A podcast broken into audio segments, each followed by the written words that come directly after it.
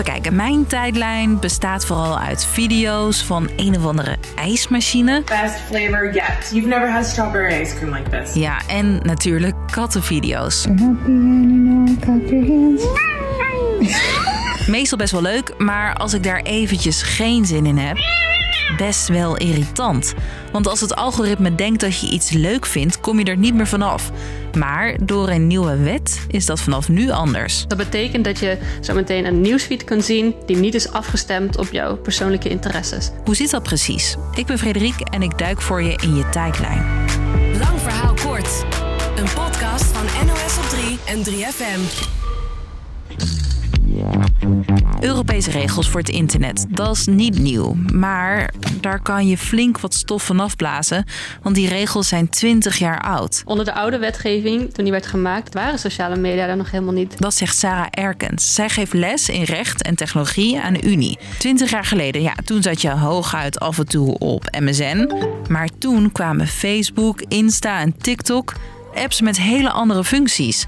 En met die regels van 20 jaar geleden konden ze eigenlijk doen wat ze wilden. Binnen een paar beperkingen van, van de, de privacywetgeving, maar grotendeels ze konden doen wat ze wilden, inderdaad. De apps gebruiken algoritmes, allemaal met als doel jou zo lang mogelijk te laten scrollen. Dingen die, uh, ja, die een beetje inspelen op je guilty pleasures, uh, dingen waar je misschien veel emoties bij voelt, waar je boos van wordt, waar je op wil reageren. Maar niet alleen guilty pleasures weten zo een weg naar jouw tijdlijn te vinden. Desinformatie is vaak, gaat vaak samen met berichten die um, op een of andere manier veel opwekken bij mensen. Dus dat zijn eigenlijk interessante berichten voor platforms om, te, om rond te laten gaan. Nepnieuws kreeg dus heel veel speelruimte. Tegenwoordig zie je misinformatie over, uh, het, over de vraag of je wel of geen zonnebrand moet opsmeren. Ja, natuurlijk moet je zonnebrand opsmeren. En daar wil de EU nu iets aan doen. Ja.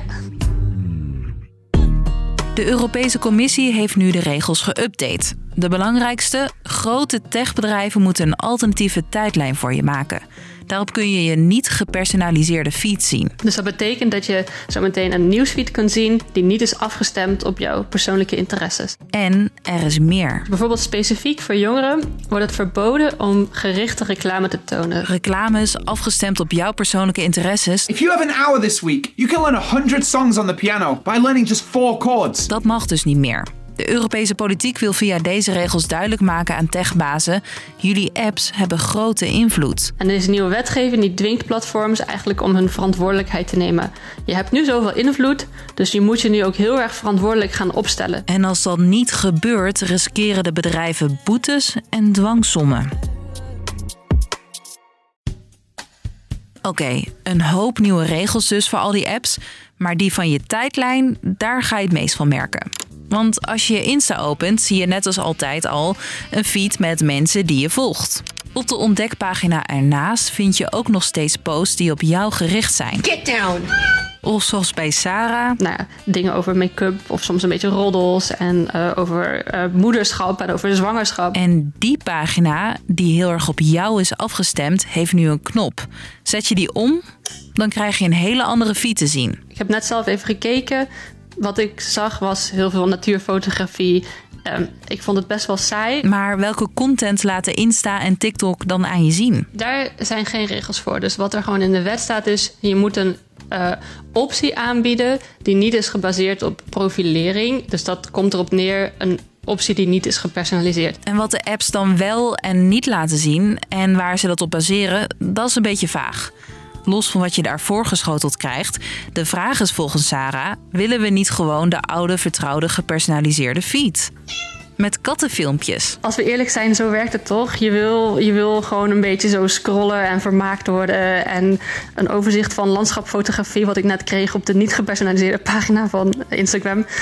Wow. Daarnaast is dit nou dé manier om desinformatie tegen te gaan? Sarah denkt dat de apps achter de schermen nog veel meer moeten aanpassen. Maar dat kan nog wel jaren duren. En het is de vraag of de platforms niet enorm tegenstrippelen. Elke keer de grenzen opzoeken. Hoe kan ik een soort van rapportage maken van de risico's... waarbij ik net aan de veilige kant voor mijzelf blijf zitten. Dus dat wordt een beetje een kat-en-muisspel, denk ik. Dus, lang verhaal kort. Er zijn nieuwe Europese regels voor techbedrijven. De EU vindt dat die bedrijven veel invloed hebben en dat ze zich verantwoordelijker moeten gedragen. Betekent dat je fiets er anders uit kan zien. Naast je standaard overzicht kan je nu ook kiezen voor een niet gepersonaliseerde tijdlijn. Wij verdwijnen trouwens niet zomaar uit je feed. Maandag zijn we er weer met een nieuwe aflevering. Doei! 3FM. Podcast. Dit kan niet misgaan, maar dan toch kan het misgaan. De meest juicy verhalen achter de schermen van de muziekindustrie hoor je in de podcast Blauwe M&M's. Over mislukte interviews, En het eerste wat hij zegt, fuck off. sterren die van hun voetstuk vallen Britney Spears kwam letterlijk uit de taart springen. en de meest bizarre plekken waar je als artiest moet optreden. En toen moesten we skinny jeans nog een keer doen. Terwijl het echt niemand interesseerde. Check de podcast Blauwe M&M's nu in de 3FM app of jouw favoriete podcastplatform.